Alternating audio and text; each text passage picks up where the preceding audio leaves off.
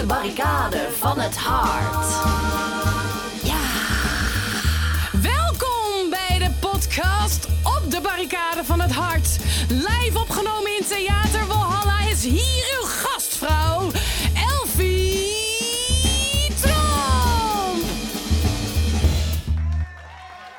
Hallo en welkom bij de allereerste aflevering van Op de Barricade van het Hart. Een podcast die is begonnen met het verlangen om het ultieme protestlied voor deze tijd te schrijven.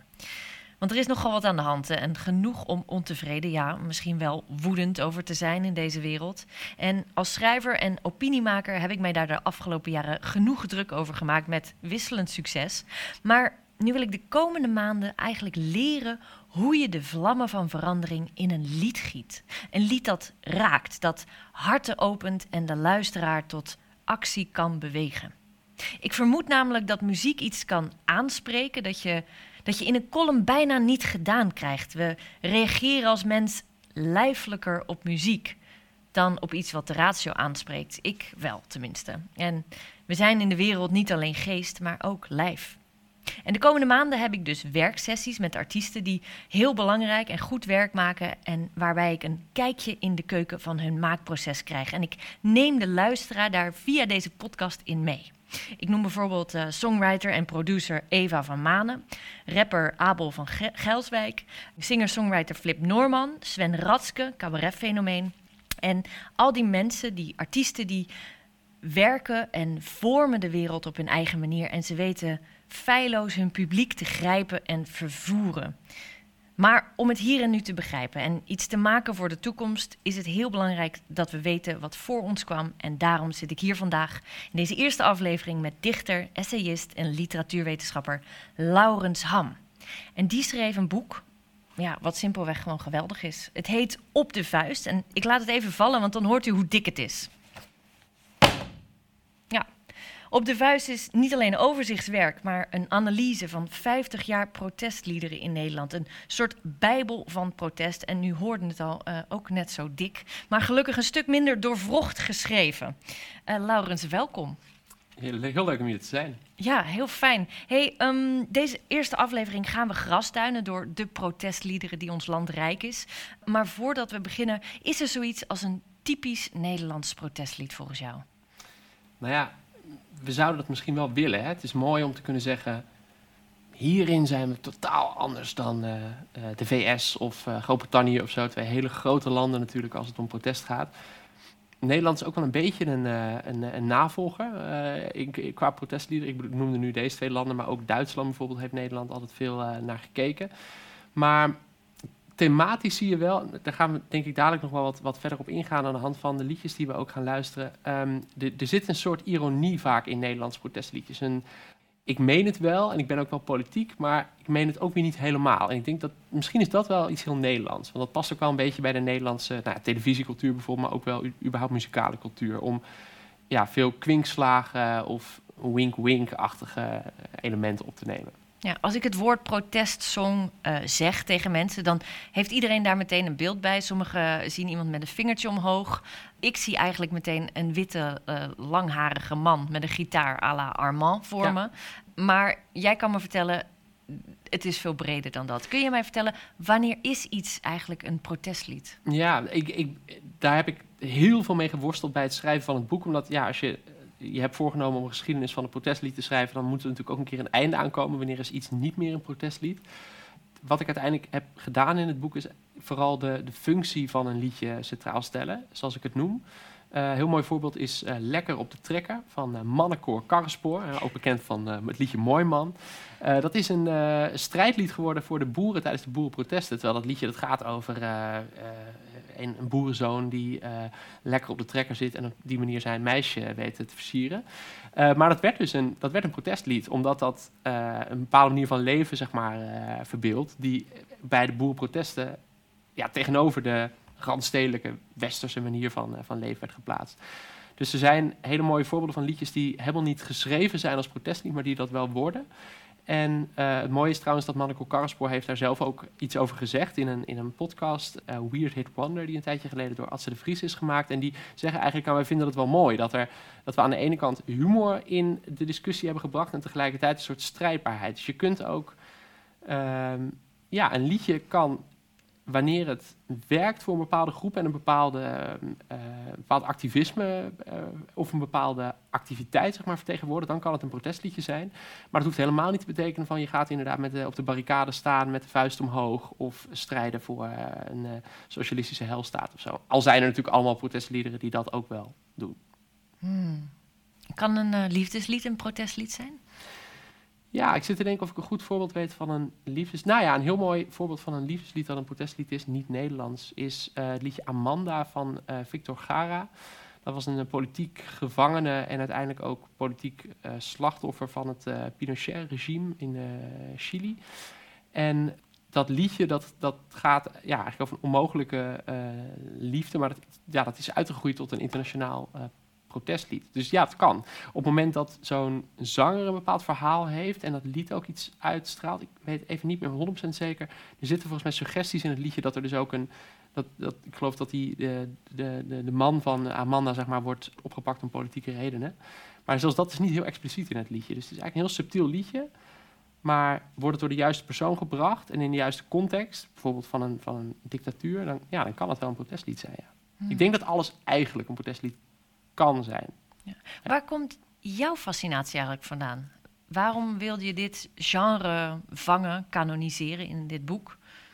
Nou ja, omdat ik zo weinig ervan wist. Dus ik was heel veel met politieke poëzie bezig. Ik, ben, uh, uh, ik werk bij de opleiding Nederlands in, aan de Universiteit Utrecht. En ik, ik, schreef veel over poëzie en ik doseer veel over poëzie. En, en je schrijft het zelf Ik schrijf het zelf ook. En, een hele mooie bundel. En uh, ja, zeker. Dus ik, ik, ik uh, nou, ik weet dat, dat klinkt een beetje alsof ik zelf en zeg ik dan weer, Dat zeg ik nee, dan weer uit eigen titel. Ik bedoel meer, ik schrijf inderdaad. Dus ik, ik ben daar heel erg mee, mee bezig. En... Um, op een gegeven moment zat ik te twijfelen of ik een boek wilde schrijven over politieke poëzie. En toen dacht ik ineens, ik kan het eigenlijk niet doen als ik het liedje niet meeneem. Want het is heel raar om in een heel klein maatschappelijke niche te gaan zitten. En dan die enorme uh, weerslag die, die liedjes op ons leven hebben, om die eigenlijk te vergeten. En toen ben ik dat naast elkaar gaan verzamelen. En heb ik zo'n aantal weken, maanden gehad dat ik echt als een, echt als een malle YouTube en, en Spotify en uh, Discogs en een uh, site voor uh, platen en zo ging afgrazen, want dat is er allemaal. En toen had ik op een gegeven moment zoveel invalshoeken dat ik dacht, ja, volgens mij moet die poëzie gewoon lekker voorlopig even in een grote ijskast. Daar doe ik nog wel eens een keer iets mee. Die liedjes zijn op zichzelf genoeg.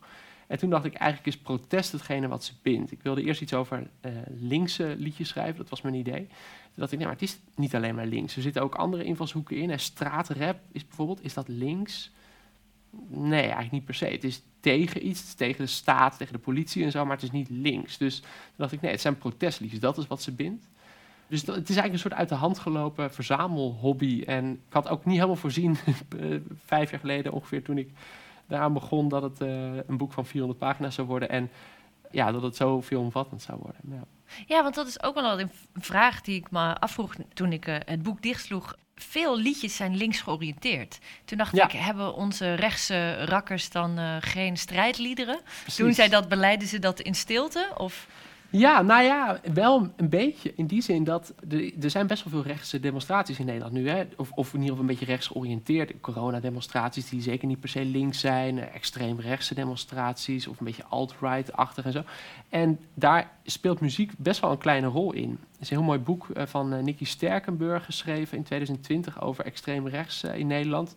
In dat hele boek komt eigenlijk geen verwijzing voor naar muziek. Terwijl zij interviewt juist gewoon de mensen op straat, zeg maar, gewoon die, die actief aan het demonstreren zijn. Links heeft een super lange traditie van als je de straat op gaat, dan, dan heb je ook muziek als een soort manier om aan te vuren en ideeën te verspreiden. En rechts heeft dat nooit zo gedaan. Terwijl ik wel verrast was toen ik het helemaal ging uitzoeken dat er toch wel allerlei aanknopingspuntjes waren. Bijvoorbeeld vader Abraham is een heel mooi voorbeeld. Die is ja, een soort conservatief rechtse stem altijd geweest. Van de jaren zeventig tot, uh, tot nu eigenlijk. Van de boerenprotesten tot verzet tegen eh, Den Uil. Hij heeft uh, echt gewoon racistische liedjes gemaakt. Wat doen we met de Arabieren hier bijvoorbeeld uit, uh, het is het midden jaren zeventig. Ja, we dachten dat hij Dus zo ja. onschuldig was en Nee, zo gezellig nee, nee, met de smurfen. Die dat, waren eh, wel welkom, maar ja. de dan weer niet. Nee, Ja. zeker. Dus, dus dat is bijvoorbeeld een mooi voorbeeld. En die boerenprotesten zijn denk ik ook niet zo heel links, maar echt bijvoorbeeld extreem rechts heeft niet zo'n grote muzikale traditie. Nee, klopt. Mhm. Hey, en je bent begonnen 50 jaar geleden. Waarom daar? Werd het daarvoor ook niet? Of was dat eigenlijk een beetje een lukraakpunt in de geschiedenis? Of gebeurde er, er toen iets? Dat, ja, er in de gebeurde wel wat. Tenminste, het- ja, kwam. het was ook weer, ik moet natuurlijk ergens beginnen. En ik ben uiteindelijk begonnen op het moment dat het een popfenomeen werd. Dus Hmm. voor die tijd bestond het als straatfenomeen. Hè. Er gingen mensen wel eh, liedjes schrijven eh, voor het theater of op straat om eh, de boel eh, op te zwepen. En in 66 maakt Boudewijn de Groot meneer de president. En iets later eh, Armand ben ik te min. En dat zijn de eerste momenten dat echt in de top 40 hoog die liedjes eindigen. En dat het dus ook een, ja, een commercieel fenomeen wordt. En dat vond ik heel leuk van... Dan wordt het dus eh, niet meer een niche, maar ook iets massaals. En hoe kan iets wat politiek is tegelijkertijd commercieel zijn? Dat vond ik een heel spannende vraag. Dus toen dacht ik, nou weet je, dan begin ik daar. Ja, en waarom is dat een spannende vraag? Nou, omdat voor veel mensen, het is zelfs zo dat ik, er zaten best wel veel stukjes in het boek waarin ik ook daar een beetje op hinten van, goh, hè, er zijn veel makers, Boudewijn de Groot, maar ook eh, Klein Orkest of eh, Doe Maar, die maken echt politieke liedjes. Niet zozeer omdat ze zo politiek zijn, maar omdat ze er, eh, ja, Omdat het imago prettig imago, ja, precies, Past. imago ver- ver- versterkend werkt.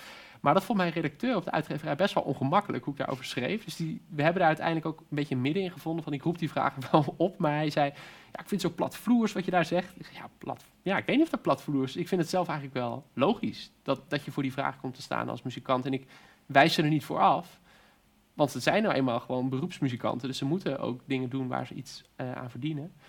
Maar je ziet dus, er is een soort ongemak over van als je, als je politiek bent of activistisch bent, dan mag het niet ook een commercieel belang dienen. En dat vond ik spannend, want dat, daar kun je denk ik vandaag de dag eigenlijk bijna niet meer langs denken. En ik denk dat dat sinds de jaren 60 altijd zo is geweest. Van activisme is altijd, speelt zich af in een wereld waarin er ook marktbelangen bestaan. Hmm. Ehm, dus dat, dat zie je wel voortdurend in het boek eigenlijk terug. Van hey, de, de marge en de mainstream, waarbij de mainstream vaak best wel dicht tegen de top 40 en de televisie en zo aanleunt.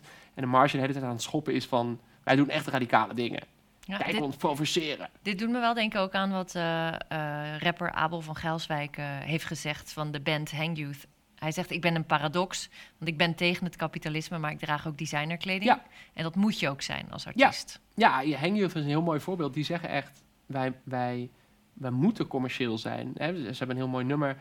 Fuck Spotify, maar haal me er niet af, eh, alsjeblieft. Dat is, dat is precies het probleem. De titel zegt al genoeg, Ja, hè? nou, ja, je hoeft eigenlijk het nummer niet meer te luisteren. Dat is bij veel nummers van Hang Youth. Ik vind het een geweldige band hoor. Maar Uh-huh. ja, heel instructieve titels. Dus ja, dat is wel dat is de hele, het hele probleem. Ja. Ja. hey, we kunnen op heel veel plekken beginnen, maar laten we beginnen bij iemand die ik ja, toch een beetje een vergeten held vind, namelijk Kobe Schreier.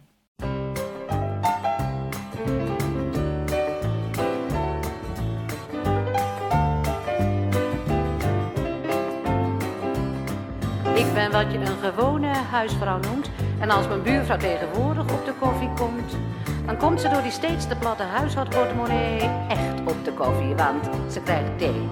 Dat is geen roodmerk meer, dat kost goud geld. Trouwens, als u de krant leest, weet u wat de huisvrouw drinkt. Thee is ook al zo ouderwets. Wij nemen sherry. Ja, ik weet wat u wil zeggen, dat is niet de manier. Maar in die flatgebouwen zitten vrouwen soms tot hier. Aan de keukentafel knopen ze de eindjes aan elkaar. Aan de touwtjes zijn te kort, dan ga je zuipen maar. Daarin geven de heren het goede voorbeeld. Zonder alcohol gaat het niet in deze maatschappij. De politiek trok ook het café in. Wat denkt u dat ze drinken in de rode ham? Appelsap? Kom nou. De prijzen zullen dalen, jubelt de regering. Dus de huisvrouw dacht, de tering kan weer naar de nering. Toen bleek het alleen maar in de uitverkoop te wezen. En daarvoor was alles net weer de pan uitgerezen.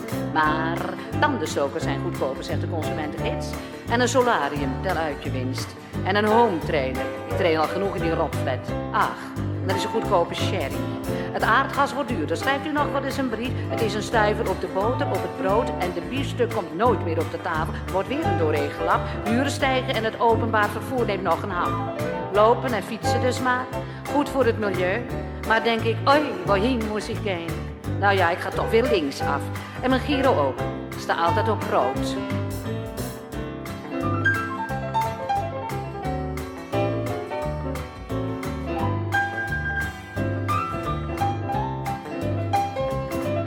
Ben wat je een gewone huisvrouw noemt.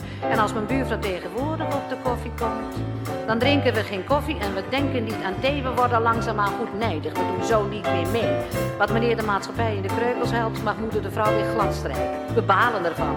We hebben stemrecht, maar als we willen meebeslissen, dan moet er nog wel wat veranderen. Vrouwen kennen hun macht niet. Als wij eens één dag zouden staken op ons werk, waar dan ook, en in de huishouding, weet u wat er dan gebeurde? Dan kwam er herrie. Een mooie flinke uitsmijter. Dat was eh, de huisvrouwen Talking Blues van ehm Kobe Schreier uit 1978. Ja, en dat jaartal dat verklapt het al. Een feminist van de eerste golf. eh, Nou, stond tweede golf, hè? Ho. Sorry, oh mind you, oké. sorry. eerste Nou, golf Kijk, hier eh, leer rond ik ook weer wat. 1900, Oké, ik leer hier ook wel duidelijk. Maar een hele actieve in de vrouwenbeweging. Zeker, Er stonden ja. heel veel protesten ook. En toch is er geen enkele feminist in mijn omgeving in ieder geval die haar nu nog luistert. Nee, kende je haar voordat je dit ging... Ik heb er via jou leren kennen, Nou, Laurens. kijk, ja. Ja, het is, ik, ik, ben niet, ik heb haar niet speciaal ontdekt hoor. Ze is wel enigszins bekend, maar echt in een heel kleine kring. Er bestaat een biografie van haar wel. Het was een soort levende legende. Maar niet iemand ja, die mensen nu nog luisteren. Is dat omdat haar... Het is eigenlijk een soort spoken word avant la lettre, dit. Ja. Je- het, is, het, het volgt geen klassieke songstructuur bijvoorbeeld. Het is een soort opsomming van... Ja. Nou ja, het wel en wee van een venijnige, woedende huisvrouw eigenlijk. Ja. Heel erg gedreven door eh, haar eh, nou ja, huishoudbudget. Ja, Ja. het is ook het is een talking blues. Hè? Dus het is een huisvrouw talking blues. En talking blues is een heel oud genre. Dat, ehm, eh, ja, een, een blues genre eigenlijk waarin je dus de, de problemen van gewone mensen eigenlijk gaat eh, neerzetten. Eh, uiteraard uit een... eh, uiteraard zeg ik, dat weet ik niet 100% zeker. Maar ik vermoed ook uit een zwarte traditie afkomstig. Dat ligt wel voor de hand omdat het in de blues-traditie ligt.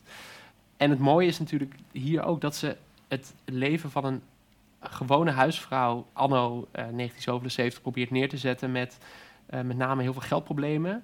Eh, alcoholproblematiek, of tenminste eigenlijk zeggen, je hebt het heel krap en van pure ellende ga je sherry zuipen. Eh, sherry is natuurlijk helemaal, het waren de jaren van het sherry-dieet. En moeten we niet vergeten dat de mensen om af te slanken sherry begonnen te drinken. Bleekselderij en sherry, en af en toe een ei, geloof ik. Oh ja. ik weet het niet meer, maar zoiets was. Dus, eh, maar het is natuurlijk heel mooi dat het, dat het leven van gewone vrouwen hier wordt... suggestie wordt gewekt dat het leven van gewone vrouwen wordt opgetekend. En dat had je gewoon niet veel in de hitlijsten of de liedjes van die tijd. Best wel bijzonder. Ja, Ja, en ook wat je eerder al noemde, de, toch die humor. Ja. Als, de, als we dan een Ja. Hollands componentje mogen noemen. ja, En het deed mij eigenlijk denken aan iemand die later in het theater opkomt, namelijk Bram Vermeulen. Ja. En er zijn nu mensen die luisteren en denken, nou ja, Bram Vermeulen, wie is dat? Dat zal ik even vertellen. Die begon samen met Freek de Jonge, eh, misschien iemand die nu nog bekender is, als cabaretduo Nederlands Hoop in Bange Dagen. En die maakte politiek bewust cabaret. Dat klinkt heel braaf, maar het was best eh, wild in die tijd. Ze Ja. organiseerden ze onder andere Actie Argentinië, een concert tegen het WK in Argentinië destijds, waar toen ehm, dictator Videla aan de macht was. En dat leidde zelfs tot kamervragen. ja. Ik zat echt te denken, ik kan me niet herinneren dat er ooit een concert is geweest wat tot kamervragen of een popmanifestatie. Nou, niet in ieder geval sinds, sinds ik naar concerten ga. Dus dat vond ik wel een soort Ja. van verfrissend. Dat ik dacht, oh ja, toen werd daar wel echt naar geluisterd. Toen was het meer dan ehm, alleen maar vermaak. zeker. Toen zij in 1980 uit elkaar gingen, eh, Freek en Bram, toen ging Freek veel meer de cabaretkant op, eh, op en Bram meer de liedjeskant op, echt de muziekkant. En werd ook vooral in België bekend Ja. als ja, Ja. eh, liedvertolker. En nou ja, ik heb het dus geleerd ook weer via iemand van mijn generatie eh, die een cover deed, namelijk Fulco. Ja. Een jonge muzikant. En ik luisterde en ik dacht, wauw, wat is deze tekst? Wat is dit ritme geweldig. En het is voor mij een soort alfa en omega. En dat is eh, het lied Politiek. Ja. En ehm, ik vind het meezingbaar. Het is helder. Het, het heeft ook een soort, nou ja, ook weer die humor, maar ook een soort ruimte in hoe het georchestreerd is of zo. Er zit het soort. En welke versie eh, heb je nu in je hoofd? Ik heb nu de live versie in mijn hoofd. Oh ja, oké. Ja, Ja, ja. dus die wil ik, want er zijn inderdaad meerdere Ja, versies. Zeker. Maar ik wil even luisteren met jou naar politiek. Ja.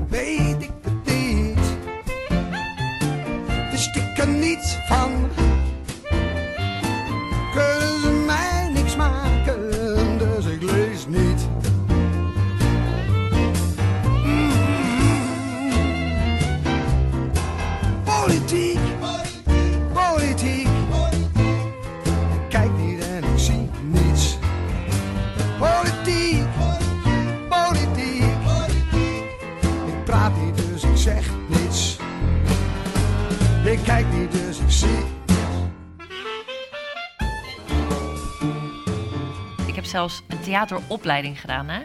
En dat ik dit dus ja, via via van een jonge artiest moet horen. Dat, ja. Ja. dat, om het op zijn oud-Hollands te zeggen, dan breekt mijn klomp.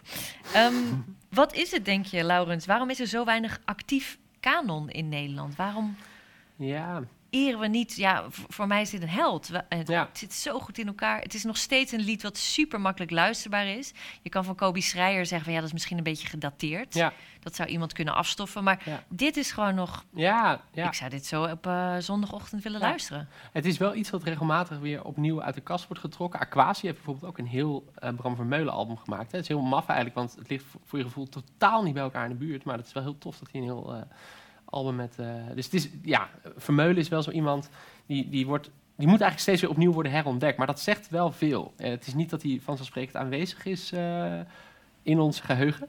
Maar we moeten hem iedere keer opnieuw afstoffen. Ik denk, Nederlandstalige muziek heeft heel erg een soort van lullig imago. Van, ja, Nederlandstalig, dat is een beetje volksmuziek of 100% NL. Of, ik merk wel, het begint een beetje af te raken, maar ook toen ik zelf met het boek bezig was, merkte ik dat ik soms ook een beetje in mijn schulp begon te kruipen, terwijl ik aan mensen aan het uitleggen was wat ik deed, omdat het vooral Nederlandstalig is. En, en, En dat ze zeiden, ja, maar Bob Dylan dan? ja, toch eigenlijk wel een beetje van, ja, maar het is in ieder geval niet. Dan denk ik, ja, nee, oké. Maar eigenlijk zitten er, die- zijn er dingen gemaakt in Nederland die in de context van Nederland eigenlijk veel belangwekkender zijn en ook veel interessanter en veel ononderzochter dan inderdaad Bob Dylan, waar, nou ja, twaalf bibliotheken over zijn volgeschreven. Dus eh, ik denk wel dat het klopt dat er een bepaalde, ja, weet je, de Nederlandse muziekindustrie had niet het, het geld en de, de, menskracht van eh, de Amerikaanse, maar eh, volgens mij heeft Nederland een waanzinnige interessante liedtraditie. En, en zijn we vooral zelf, om wat voor reden dan ook, geneigd om het een beetje, ja, ja, ook weer ironisch over te gaan zitten doen eigenlijk. Is dat Ja. misschien dan ook een Hollands component, dat een, een portie zelfhaat hebben? Ja, dat denk ik zeker wel. Dat zie je op, op veel dingen. Ik bedoel, het is ook altijd als er een goede Nederlandse film verschijnt. Nou, het is wel een on-Nederlands goede film. Nee, het is Ja. gewoon een goede film. En, ja, en, En Nederlands toevallig, Ja, ja. Zijn, er, zijn er eigenlijk geëngageerde nou ja, protestsongs in de Nederlandse geschiedenis... die wel de tand des tijds hebben doorstaan volgens jou? Nou, er zijn in ieder geval wel... Nou, er zijn weinig mensen die echt duurzaam... Misschien Ramses Shaffi, Ah ja, dat is wel... Maar die is niet heel geëngageerd, maar die heeft wel... Mens durft te leven, is een, Ja, echt een klassieker uit de jaren aan- 30. Ja, individualisme Ja. eigenlijk. ja, ja het is Wel heel... eh, niet in- echt een protestlied, maar mm, ja, in de context van de jaren 30 wel. Die, die heeft, maar ja, dat is niet echt heel politiek. Frits Lambrechts, geweldige communistische zanger, maar ja, communist. Dus ja, die is ook een beetje vergeten acteur, eh, Acteur ook. die ik kende als kind als stem van de mol uit eh, Alfred Jodokus Kwak. En die we ook kennen als die, het is een wat steviger gezette man die comedyrollen speelde. Bleek een enorme rode te zijn, hè? Ja, zeker. Eh, en zich daar enorm over uitsprak. En Ja. eh, via jou ben ik dat ook weer... eh, en waanzinnige stem, een soort Joe Cocker. ja, zeker. bizar, Ja, ook iets wat echt herontdekt moet worden. Ja. Vind ik wel. Nou, misschien toch even uitnodigen nog. Ehm, nu vroeg ik me wel af, ik zat ook shows te herkijken van Nederlands Hoop. En toen dacht ik, ja, iedereen is het wel heel erg met ze eens hè, in, die, in die zaal. Is het niet ook een beetje preken voor eigen parochie? Ja, ik vrees het wel. Hoe, Ken, jij voorbeelden waarbij dat niet is? Heb jij zelf bijvoorbeeld in jouw research voor dit Hmm. project... ben je dingen tegengekomen waarvan je dacht van... hé, hey, hier, hier slaat iemand echt een soort brug naar... nou, dat vind ik een hele goede vraag. Ik moet er even over nadenken. Misschien niet per se op muzikaal gebied, maar het is, ik vind het altijd wel heel spannend als linkse media eh, conservatieve denkers de ruimte geven en vice versa. Ja. Ik heb zelf een column gehad vijf jaar lang bij de Metro, wat deel was van de Telegraaf Mediagroep, waar ik toch de lezers wel wakker mocht maken. Maar Ja. ik weet nou niet of dat dan nou met veel succes gepaard ging, zeg maar, of vooral irritatie. Dus ik, Nee, ik denk dat het wel heel moeilijk is. E- Eigenlijk denk ik de, de belangrijkste, de meest succesvolle protestliedjes zijn volgens mij die die eigenlijk in een relatief kleine kring van mensen ja, juist de ideeën bevestigen en rond echoen, maar op zo'n manier dat die beweging ook vorm krijgt. Dat is bij de feministen bijvoorbeeld heel goed gebeurd in de jaren 70 en 80. Dus dan is het ook, heeft het ook maar een heel kleine rijkwijd, maar binnen die groep he- heeft het een geweldige eh, betekenis. En dat is bij Black Lives Matter bijvoorbeeld, waar ze bepaalde eh, anthems hebben, soms eh, internationaal, maar er kunnen ook wel meer Nederlandstalige stemmen in Nederland in voorkomen. Ehm, Is er nu een Black Lives Matter artiest? nou, nou ja, internationaal heb je, is er nog allerlei hip-hop eigenlijk hè, die, die gebruikt wordt. Ja, dat is eigenlijk een, een enorm eh, corpus. In Nederland heb je natuurlijk wel het nummer dat nog het meest in de buurt kwam van een soort van Black Lives Matter artiest. ehm, was van Aquasi en Busy. Geen wedstrijd, wat ze toen na de damprotesten hebben uitgebracht, eh, bijna meteen. Maar ik denk niet, ik heb niet echt het, de indruk dat dat nou heel veel bij demonstraties wordt gedraaid. Dus volgens mij is het toch vooral Jelle eigenlijk wat ze in Nederland doen. En zelfs dat lag in coronatijd natuurlijk gev- gevoelig. Dus je moest vooral met mondkapje op, op anderhalve meter afstand van elkaar staan. Maar ik denk wel dat, eh, ik denk dus dat in zo'n soort beweging, dat daar het protest niet echt goed kan werken. Laten we een stapje naar deze tijd gaan doen. Sophie Straat. Die begon te zingen als afstudeerproject, beeldend kunst eigenlijk. Omdat ze zelf zei, ik heb heimwee naar het oude Amsterdam. En daar kwam onder andere dit nummer uit. Groen Amsterdam, een protest tegen de bakfietsen juppen.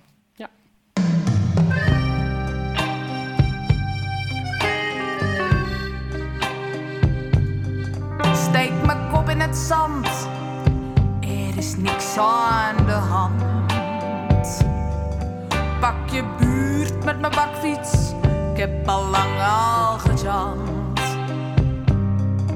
Ben je gek die school? Daar is het zo krokant. Onze Bas leert lezen in een groot grachtenbad.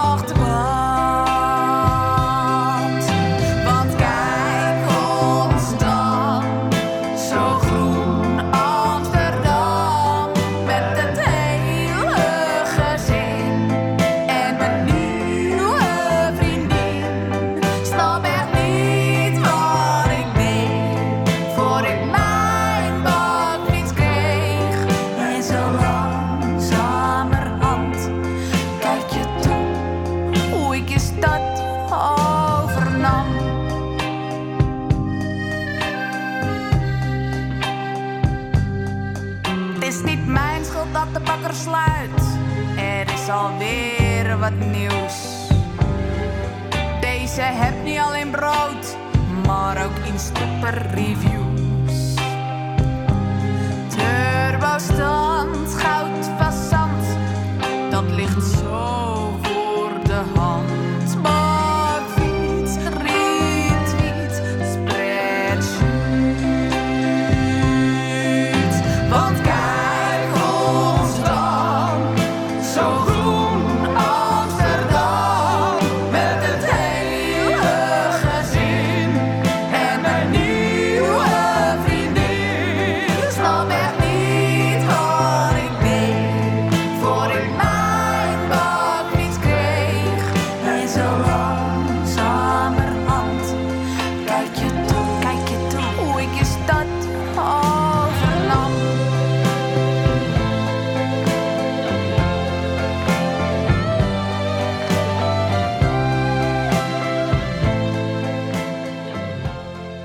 Oké, nou allereerst is dit denk ik het enige liedje in de wereldgeschiedenis met het eh, woord Iens Topper Reviews eh, erin, waarvoor ik al eh, diep mijn, mijn pet afneem. Maar ik heb wel een vraag aan jou. Is dit nou een ode aan het volkslied of is het een pastiche? Maakt ze het belachelijk? Ja, nou, dat is best wel moeilijk te beantwoorden. Ik, toevallig heb ik een, een scriptie begeleid op de Universiteit Utrecht over de combi Hangyouth en Sophie Straat. Hangyouth is ook heel ironisch en tegelijkertijd heel gemeend. En datzelfde geldt voor Sophie Straat. Dus daar, die student eh, eh, Hester Brugman heeft daar geprobeerd eh, te beantwoorden. En zeker bij Sophie Straat denk ik, het is wel heel ernstig, maar het is ook wel echt camp wat ze doet. En camp heeft natuurlijk altijd een beetje die combi, hè, van je bent eigenlijk wel ernstig, maar eigenlijk ook weer niet. En in haar geval op een gegeven moment schreef Hester iets heel moois. Die zei, het is, eh, ze moet uitkijken dat het niet zelf gentrificatie van het levenslied wordt. Omdat ze dus, ze verzet zich eh, op het album waar dit vandaan komt tegen gentrificatie. Maar wat ze doet is eigenlijk hetzelfde. Namelijk iets pakken uit de, de arbeidersklasse, eh, eh, het levenslied. En vervolgens daar eh, de eigen ja, eh, VPRO-invulling zeg maar, aan geven. en eh, toen dacht ik, ja, dat vond ik echt een eye-opener. Toen ze dat schreef van, ja, ehm, ik vind het een super interessant album, een hele interessante maker, maar ook wel iemand die, die iets doet waarvan je denkt van, oeh, eh, ze, ze praat Goois en ze, ze zingt eh, ehm, ja, Amsterdams. Ja, zet echt dat accent aan. Ja. Bijna alsof ze een rol speelt. Ja, ja. Hoe, hoe, hoe beluister jij dit? Vind je dit- Toch ook weer die humor. Dus eerst Ja. komt de lach en Ja. eh, dan de tekst trek je erin. En ook hoe het eruit ziet. Want ze heeft een soort ja, poppy-achtige oldschool. Punk, ska uiterlijk zelf. Wat heel grappig contrasteert natuurlijk met, die, met weer het genre. met, met het genre, want het is weer een ander genre. Dus je, je bent een beetje, je zet vraagtekens bij wat, wat zit ik nou te kijken. En, en dan komt de gedachte van, oh, wat zegt ze eigenlijk? En dan zeg je, ja, dat, dat klopt inderdaad niet. Ja, ja, het is ook snijden in eigen vlees. Hè. En dat, dat past ook wel heel erg bij het protestliedje van vandaag. Dat je dus eigenlijk jezelf ook mee belachelijk maakt. Zo kun je het ook beluisteren. Ik denk dat het dat ook vooral is. Eh, ze heeft zelf in interviews gezegd dat ze een van de eerste kinderen van de generatie eh, eh, bakfietsen was. Dat haar ouders volgens haar een van de eerste bakfietsbezitters van Amsterdam waren. Nou, Mm. Dat is misschien een beetje overdreven, maar dus zij is deel van het probleem. En tegelijkertijd is ze ook nostalgisch naar een Amsterdam, wat ze dus eigenlijk nooit heeft gekend. Want ze zat dus als kind al in die bakfiets. Wat dan ook wel weer herkenbaar is voor Forum van de Democratie-stemmers. Die dan Ja. terug verlangen naar een Ja. Nederland wat er misschien wel nooit is geweest. Ja.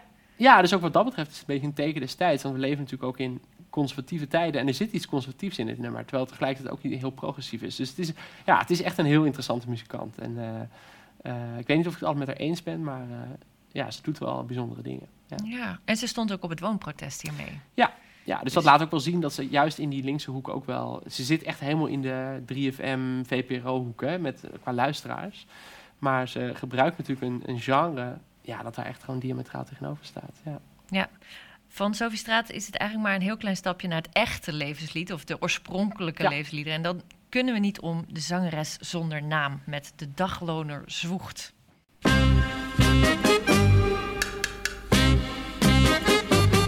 Champagne in de fles, twee meiden om hun hals. Verblind door het succes, al is dat nog zo vals. Forel en verse zalm, zo stoppen ze zich vol.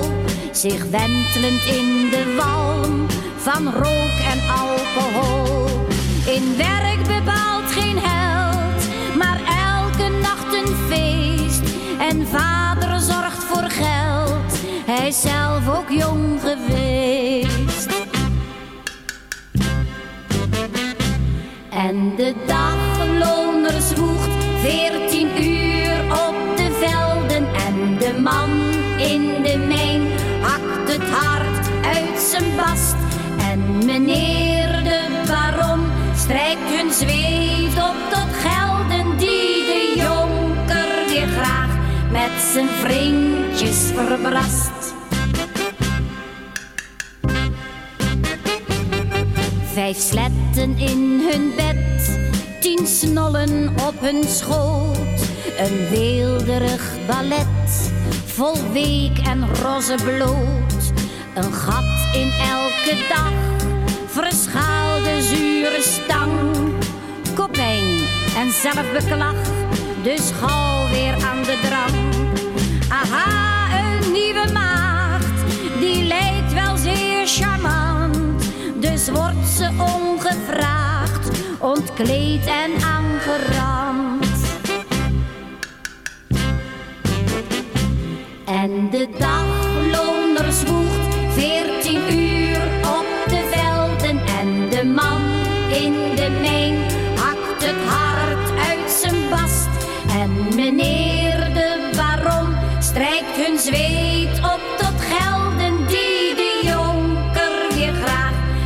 zijn vriendjes verbrast.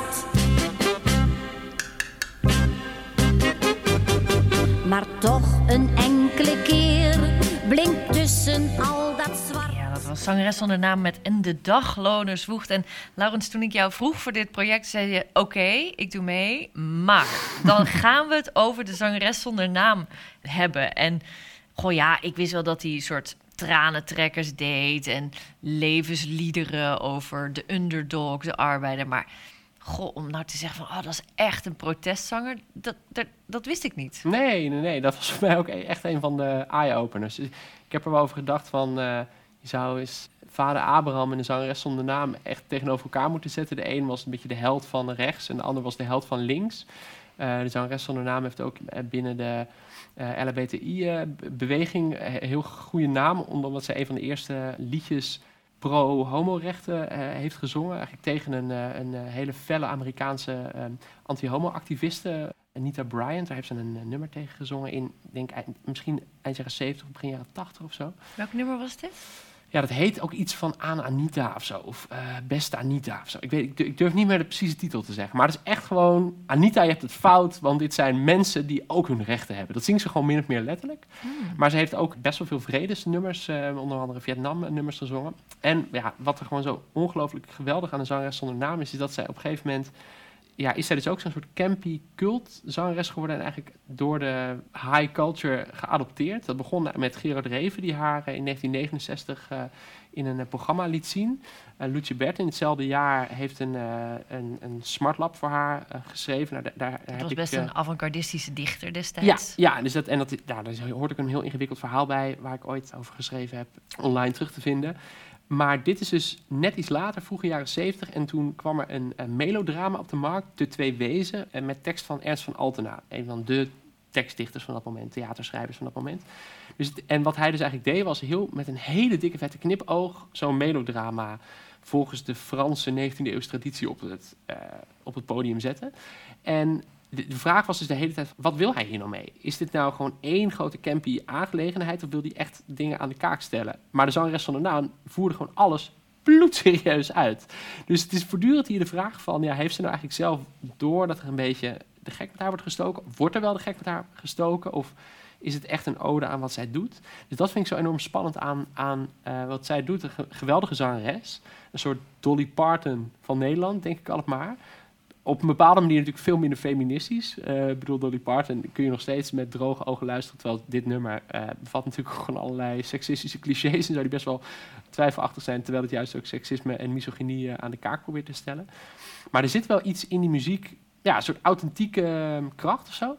Waar nog nooit echt naar gekeken is door onderzoekers of door, door schrijvers. Dus mijn, mijn droom is eigenlijk om als een van mijn volgende boekprojecten een eh politiek geschiedenis van het levenslied te gaan schrijven. En dus ook die spanning de hele tijd tussen hoog en laag, toe-eigening, door Sophie Straat bijvoorbeeld, maar ook de toe-eigening van André Hazes. En hoe daar steeds ook van ja, eh, klassenvraagstukken ook in Nederland mee aan de orde worden gesteld. Van hoe, hoe denkt eh, middenklasse Nederland of hogere klasse Nederland eigenlijk over arbeidersvraagstukken en armoede en eh, dat soort dingen. Ja. Het is interessant, want als ik dit luister, dan het raakt me wel. En Ja. tegelijkertijd heb ik zoiets, een soort tweede stem in mijn hoofd die Ja. zegt, maar mijn goede smaak zegt dat ik moet lachen.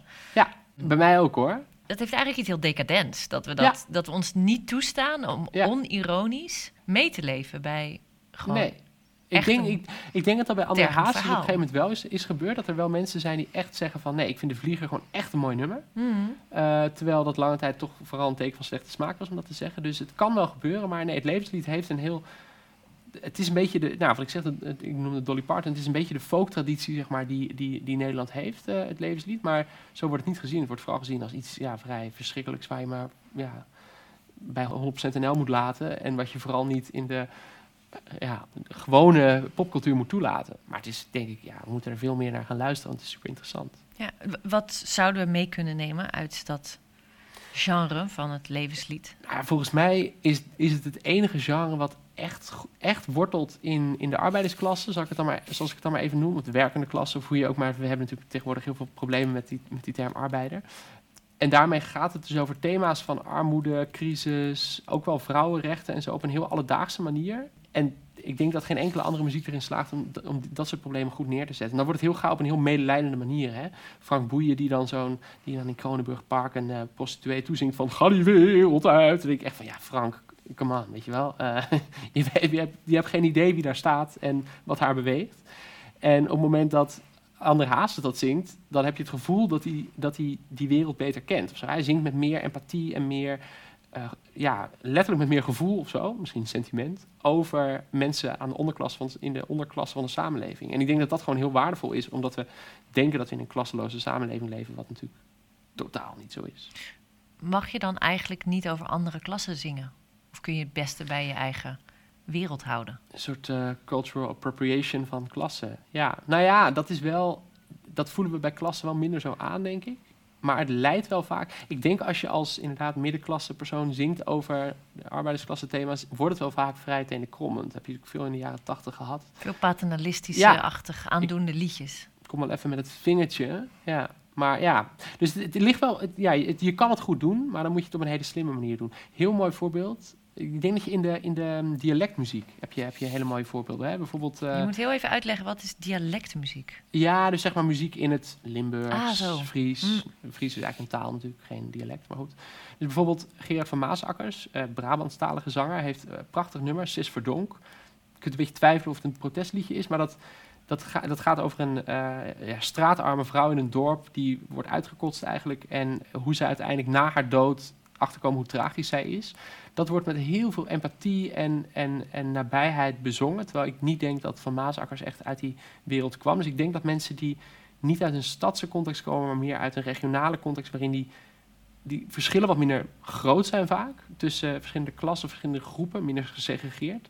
Dat, je daar wat, dat het daar wat minder snel paternalistisch wordt. Daar ken ik betere voorbeelden van. eh, ja, Oké, ja. gestudeerde mensen die dat geprobeerd hebben. ik ben geboren in de Hoekse Waard, dus dan toch maar misschien in het Hoekse Waard Ja. eh, zingen. Nou, Nou ja, uniek volgens mij. Ik zal er eens over nadenken.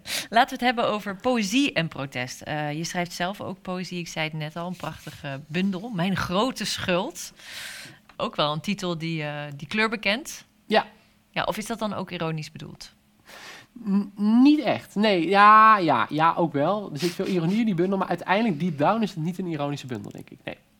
Ik kan hem sowieso enorm aanraden om te lezen. Eh, je bent niet de enige die eh, ja, geëngageerde poëzie schrijft. Ehm, wie dat ongeëvenaard ook doet, volgens mij, en ook op muziek zet, dat is Eva van Manen. En zij schreef onder andere de plaat Politiek en Liefde met het liedje Omdat we verder gaan.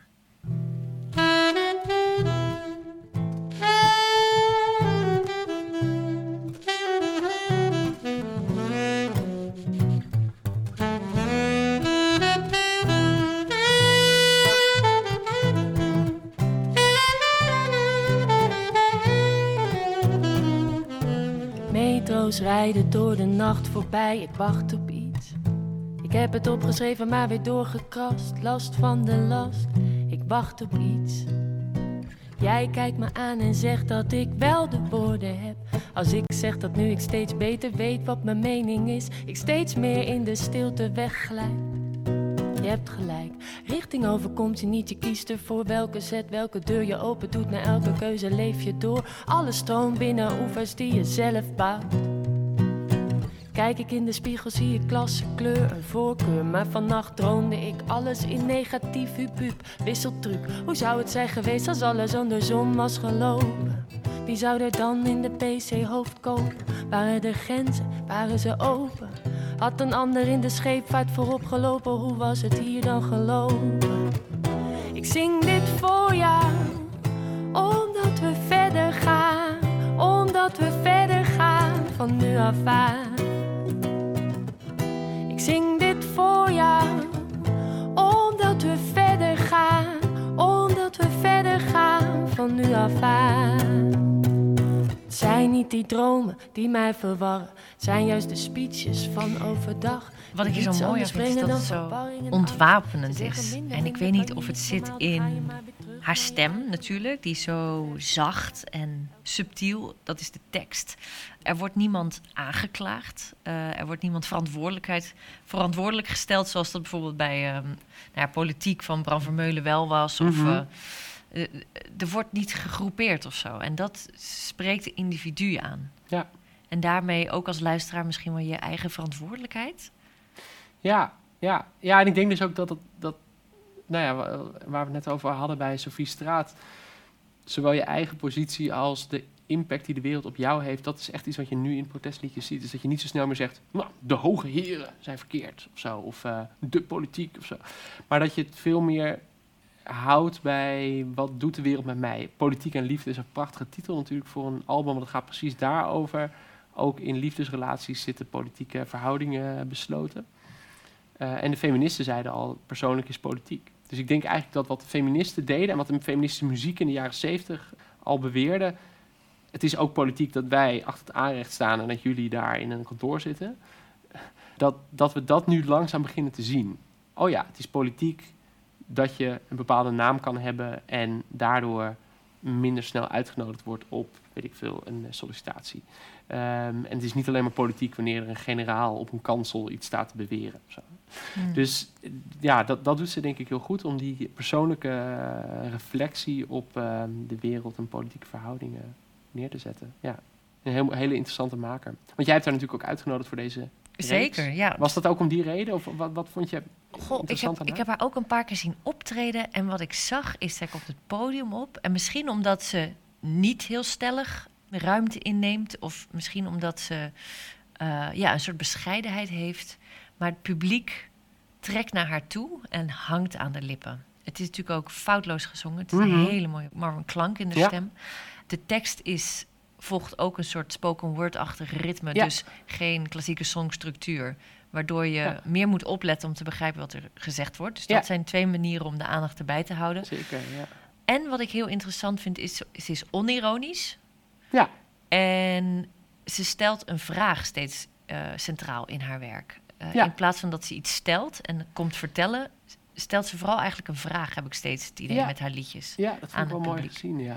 Ja. Waardoor je altijd weer over jezelf moet nadenken door haar werk. Ja, het is heel weinig stellig, maar wel eh, tot nadenken stemmend. Ja, Ja, en Ja. daarin misschien een, een Ja. kleiner protest of een persoonlijk protest. ja. Ik denk niet dat zij moet spelen bij een, bij een woonprotest of bij een Nee, Black Lives Matter protest, omdat het te, te voorzichtig is. Als strijdlied zou dit niet op de barricade blijven staan, denk ik. nee, dat zegt ze ook. Hè, van, eh, ze twijfelt bijvoorbeeld of ze zichzelf feminist moet noemen, terwijl er heel veel feministische thema's in haar muziek zitten. Mm.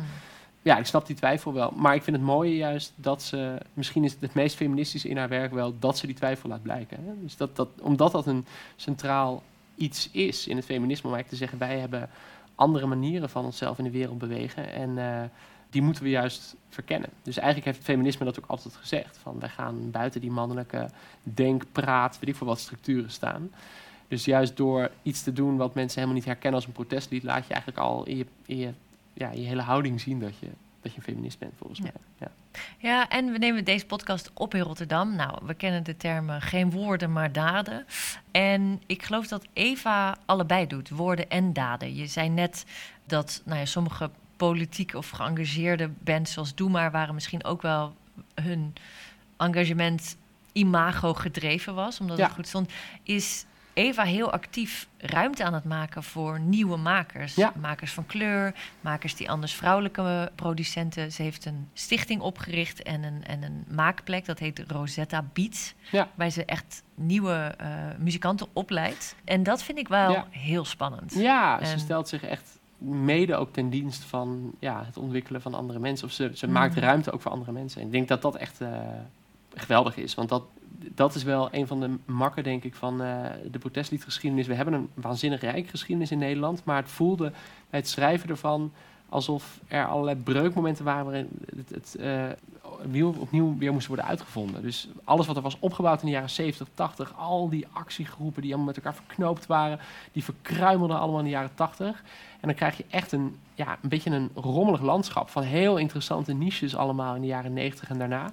Maar ook wel dat je denkt, oh ja, zijn we niet opnieuw bezig om iets te doen wat voor een deel decennia geleden al werd aangekaart. De hele discussie over dat je niet blank maar wit zou moeten zeggen, eh, werd door eh, ja, eh, antiracisme-activisten in de jaren 80 ben ik er al stukken over tegengekomen. Anja Meulenbel bijvoorbeeld schreef er in de jaren 80 al over van ja, we moeten mee ophouden, dat is belachelijk. Zwarte Piet protesten in de kraakwereld in de jaren 80 waren al heel gebruikelijk. En dat verdwijnt dan, voor je, voor je gevoel, het verdwijnt natuurlijk niet, maar dat gaat in kleinere groepjes zitten en dan komt het ineens weer Op de vuur omhoog. ja, ja. Ja. Tenminste, voor hè, de, de massa. De massa. Ja, Ja, Ja. ja. Je hebt nu een enorme studie gehad. Daardoor denk ik dat jij de man bent die misschien enig iets van een voorspellende gave misschien voor de toekomst heeft. Eh, misschien kun je dat behouden geven. Waar denk je dat het heen gaat met de protestsong in Nederland? Ik denk dat die persoonlijke toon steeds verder verkend zal worden. Je ziet ook steeds meer eh, hele stoere genres, hip-hop bijvoorbeeld, heel veel gaan over pijn, medicijngebruik, verslaving op een heel beetje tobberige manier. Maar soms krijgt het ook een beetje een protestkarakter. Hè? Ik denk Ehm, dat het al taboe doorbrekend is, omdat we hebben natuurlijk iets wat eh, ja, een soort toxische mannelijkheid heet. Ja. Waarbij er niet gesproken wordt over Precies. emoties en problemen. Ja, dus daar zit al iets in van. eh, en sowieso denk ik dat doorbrekend. alles wat met, met ja, feminisme, LHBTI-rechten en zo te maken, dat, dat we daar heel erg eh, in zitten. En het doorbreken van inderdaad bepaalde mannelijke structuren. Denk ook aan, ik zou het niet een protestlied noemen, maar een van de nummers van 2021 was, dat heb jij gedaan van Mo. Ik geloof 20 miljoen keer geluisterd of zo op Spotify en, eh, en YouTube. Dat, dat gaat over een eh, toxische relatie waar zij eh, over zingt. En dat dat, dat, dat zo landt, het was een vrij onbekende zangeres. En in één keer maakt ze één zo'n nummer wat gewoon knal, super groot wordt.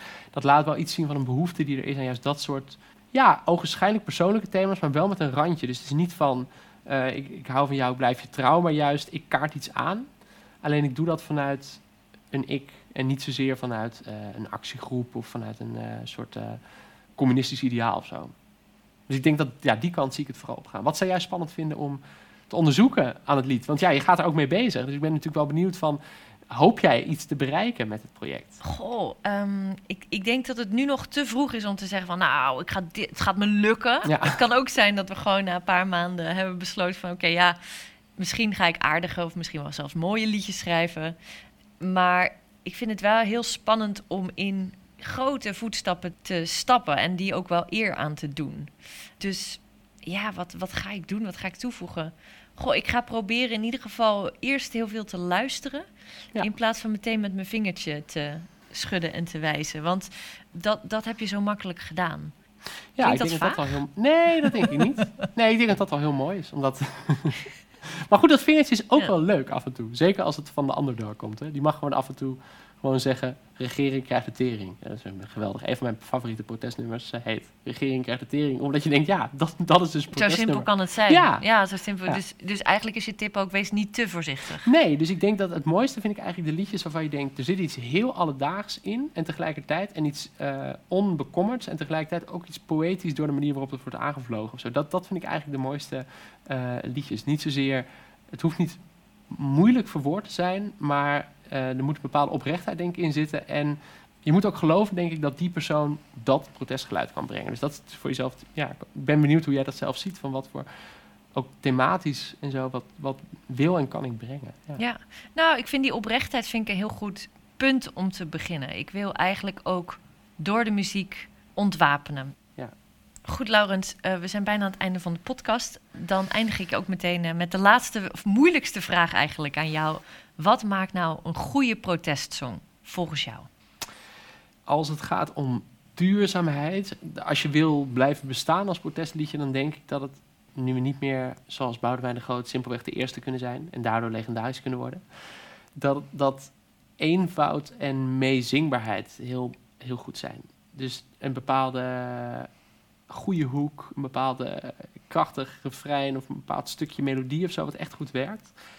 Ja, ik denk dat dat uiteindelijk voor het, voor echt het voortleven van je liedje bij andere mensen, dat dat echt eh, briljant is. Al zijn er ook superveel liedjes gemaakt die, die je totaal niet kan meezingen en die ook heel legendarisch zijn. Denk ik dat, zeker als je wat meer, zeg maar, liedjes wil maken die echt in een activistische beweging landen, dan is, dan is vaak meezingbaarheid super belangrijk. Want dan kunnen mensen daadwerkelijk mee gaan doen. En echt op, eh, ja, in de actie, zeg maar, st- strijdlust eh, kweken door te zingen. En dat vind ik, dat vind ik wel een heel mooie kant van het protestliedje. Die, die strijdbare, activerende kant. Ja. Maar goed, dat is maar ook wel net wat je wil. Als je mensen aan het denken wil zetten, dan mag je, zo, mag je het zo ingewikkeld maken als je zelf wil. Ik ben heel benieuwd welke kant je op gaat. Ik hoop. Ik, eh, ik ga mijn best doen. Ik ga mijn best doen. Dankjewel. Spannend. Ja, het is natuurlijk veilig om hier te blijven zitten en te blijven praten en analyseren. Maar je moet de wereld in om iets te veranderen. En ik ga in deze podcast met de billen bloot. Ja, zo simpel is het. Ik wil beginnen met een nummer uit mijn vorige voorstelling. Niet vandaag Satan, maar wel vanavond. Als schrijver en opiniemaker heb ik over de jaren heen de meest kleurrijke verwensingen mogen ontvangen van mijn lezers. Soms ronduit agressiefs, maar regelmatig ook absurd poëtisch of humoristisch in hun kwaadheid. Ik heb een cut-up techniek gebruikt voor dit lied, waarmee ik mijn laatste theatershow dan afsluit. En het bestaat grotendeels uit citaten, uit bedreigingen, boze mails of opmerkingen die ik op straat kreeg. Met dan aan het einde mijn antwoord op de boze meute die mij al dan niet online opwacht. Ja, en dan moet ik toch even een, uh, een, disclaimer invoegen, want deze aflevering is natuurlijk verre van compleet. Dus voor iedereen die zijn of haar favoriete nummer mist of meer wil horen, raad ik je aan Laurens boek te kopen op de vuist of de speellijst op de website protestliedjes.nl of ook op Spotify te vinden via op de vuist. En die zal ik ook hier even in de show notes hieronder linken. Maar voor nu is hier het lied De Zondebok. Ik ben de Zondebok. Kotskatten, vuile hoeden, wie sletten dom, het heeft het gore hok uitgewoond. Arrogant, ranzig wijf, pulpdoos, totaal poseur, een blanke, pratende gleuf. Zure roomspuitende internetheldin. ja. Dat een millennial meisje overal gesteund wil met haar VWO-diplomaatje een intellectueel partijtje meeblazen. Het is gewoon een goorlappie. Als heugpeulig tapijt waarin de kat hebt gescheten. Ja, je kan schrobben wat je wil, maar de stront die blijft je ruiken. Ach ja, zo'n meisje vervult van de vrijheid van meningsuiting. Maar die moet gewoon geneukt. Die moet lul. In alle gaten. Tot ze zaad kotst. Ik moet geneukt. Keihard geneukt. In alle gaten. Tot ik zaad kots. Ik ben de schande. Ik ben de schaamte. Ik ben de smeerlap. Ben smet, ben de vlek, ben de vloek, ben de god. Hier is de kuttekop. De grote deugleuf. De domme roeptoeter. De gore gek. Dat ben ik.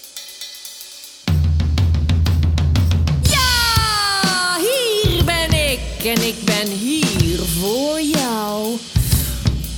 Want door mij weet jij wie je bent. Ja, door mij vind jij jezelf een hele vent. Ik ben jouw grens, ben jouw gekrijs. Jouw genoeg is genoeg. Jou tot hier en niet verder. Jouw vol is vol. Ik ben je ruggengraat, je vuist die spant, je kaak die knarst, je bloed dat stroomt, je hart dat krampt. Dus wees het klauwkind van de toekomst. Scherp je nagels in mijn lach. Bedreig mij in kapitalen en leer grommen. Leer grijnzend grommen. Leer als een roofdier je rug krommen. En val. Val mij aan. Voordat je aangevallen wordt, dus sla nu maar. Stop je vuist in mijn mond. Scheur mijn kaak uit elkaar. Tot het kraakt.